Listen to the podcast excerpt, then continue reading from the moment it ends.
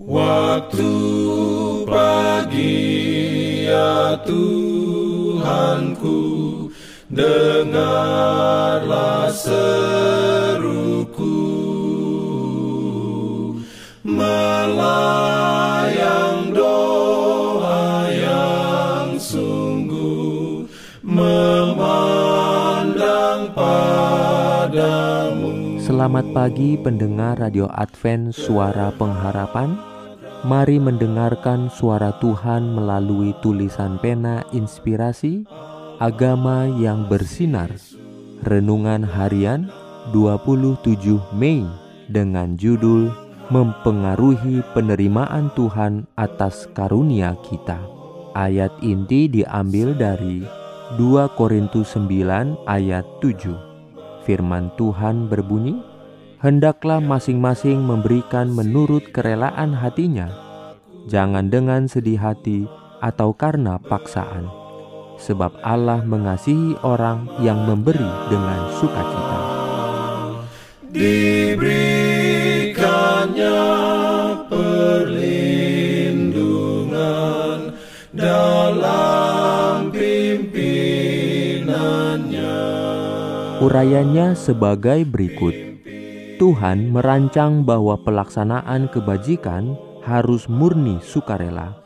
Allah mengasihi orang yang memberi dengan sukacita. Dia tidak senang jika perbendaharaannya diisi dengan paksa. Hati umatnya yang setia bersukacita dalam kebenaran yang menyelamatkan untuk saat ini akan melalui kasih dan rasa syukur kepadanya atas terang yang berharga ini dengan sungguh-sungguh dan ingin membantu dengan milik mereka untuk menyampaikan kebenaran kepada orang lain. Cara terbaik untuk mengungkapkan kasih kita kepada penebus kita adalah dengan memberikan persembahan untuk membawa jiwa-jiwa kepada pengetahuan akan kebenaran. Rencana penebusan sepenuhnya bersifat sukarela di pihak penebus kita dan adalah tujuan Kristus bahwa semua perbuatan baik kita harus menjadi persembahan sukarela. Kemakmuran rohani erat kaitannya dengan kedermawanan Kristen. Pengikut-pengikut Kristus harus bersuka dalam menyatakan kehidupan penebusnya.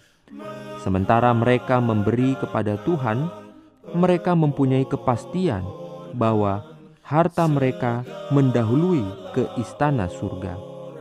Apakah manusia menjadikan milik mereka aman? Biarlah mereka menaruh itu di tangan yang menanggung tanda penyaliban. Apakah mereka menikmati harta mereka?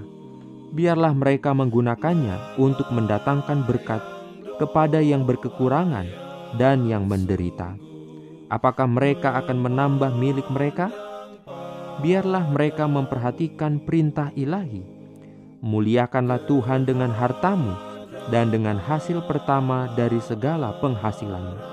Maka lumbung-lumbungmu akan diisi penuh sampai melimpah-limpah, dan bejana pemerahanmu akan meluap dengan air buah anggurnya.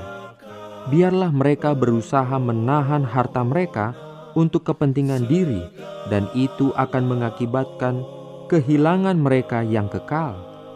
Tetapi biarlah harta mereka diberikan kepada Allah dan mulai pada saat itu ia akan menanggung prasastinya. Harta itu dimeteraikan dengan kekekalannya. Amin. Diberikannya perlindungan dalam pimpinannya.